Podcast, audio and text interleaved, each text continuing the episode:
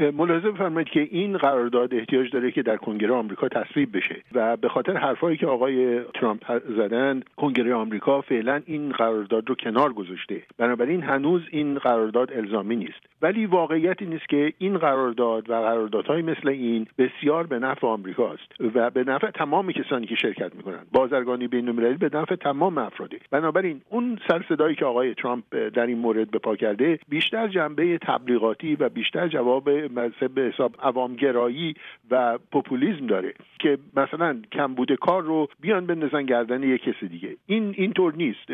داستان چیز دیگه است و ایشون سرصدای زیادی می‌کنه. ولی این قرارداد هنوز تصویب نشده. اینی که بگیم که قرارداد بهتری میشه بست البته همیشه اینو در مورد همه چیزی می‌گفت میشه گفت. هر کاری هر کسی انجام بده هر قراردادی ببنده میشه گفت می‌شد از این بهتر باشه. شاید این برانورش هم بشه خورده صحبت کرد. ولی در مجموع این قراردادی است به نفع همه که دوازده کشوری که در اون هستن و این حرفای آقای ترامپ به نظر من حرفای تبلیغاتی است. اگر آقای ترامپ به گفتههای خود پابند بانه آنچه در جریان مبارزات انتخاباتی خود کرد و از این پیمان و یا توافقنامه بیرون شود. چی عواقب می‌تونه که برای اقتصاد امریکا برجا بگذاره و امیر هم با دول عضو که در این توافقنامه شریک هستند؟ این باعث میشه که طبیعتا اون کشورها به طرف دیگه ای برن. یعنی فرض بکنین ژاپن هست ویتنام هست کشور دیگه کانادا هست. اینها این احساس رو خواهند کرد که پس دوستی ما پابرجا نیست. بنابراین ممکنه به روابط دیگه با هم دیگه داشته باشند. و به خصوص در این زمینه چین خیلی مترصده و آماده است که بپره به وسط. بنابراین این کاری که آقای ترامپ اگر انجام بده به ضرر اقتصاد آمریکا خواهد بود و یک حالت جنگ بازرگانی بین المللی ایجاد خواهد کرد. اگر که برگردیم به تاریخ در سالهای 1930 هم یک همچین چیزی بود که معروف بود به سیاست کردن همسایه و جز از دردسر چیزی برای کشورهای مختلف به بار نیاورد.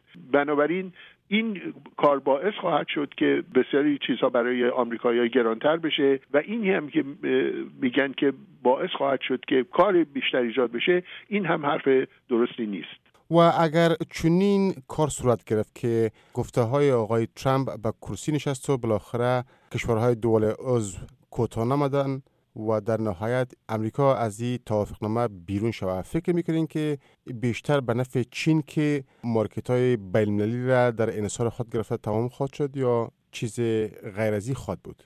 این همونطور که ارز کردم به ضرر تمام کسانی خواهد بود که در این ماجرا هستند. ولی کشورهای هم سعی خواهند کرد که از این استفاده کنند. به عنوان مثال همونطور که فرمودید چین ممکنه بخواد از این ماجرا استفاده بکنه و صحبت بکنه که خب بیاین در قراردادی که ما داریم اینجا در کنار هم دیگه باشیم.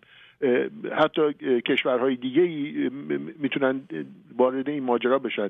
حتی کانادا یا استرالیا و غیره اینا می‌تونن احساس بکنن که پس این حرفی که آمریکایی ها می‌زنن نمی‌تونه باعث اعتماد باشه. بنابراین به طرف اون کشورهای دیگه برن. ولی باز عرض می‌کنم که دنیا حالا این چند وقته یه سری سر صدا هست و این صحبت ها میشه. ولی به طور کلی به طرف باز شدن و به طرف اقتصاد یگانه بین المللی میره. بنابراین این جور سنگ انداختن ها در کار یه جنبه موقتی داره و باعث زیان کشورهایی میشه که در اون ماجرا شرکت می‌کنه.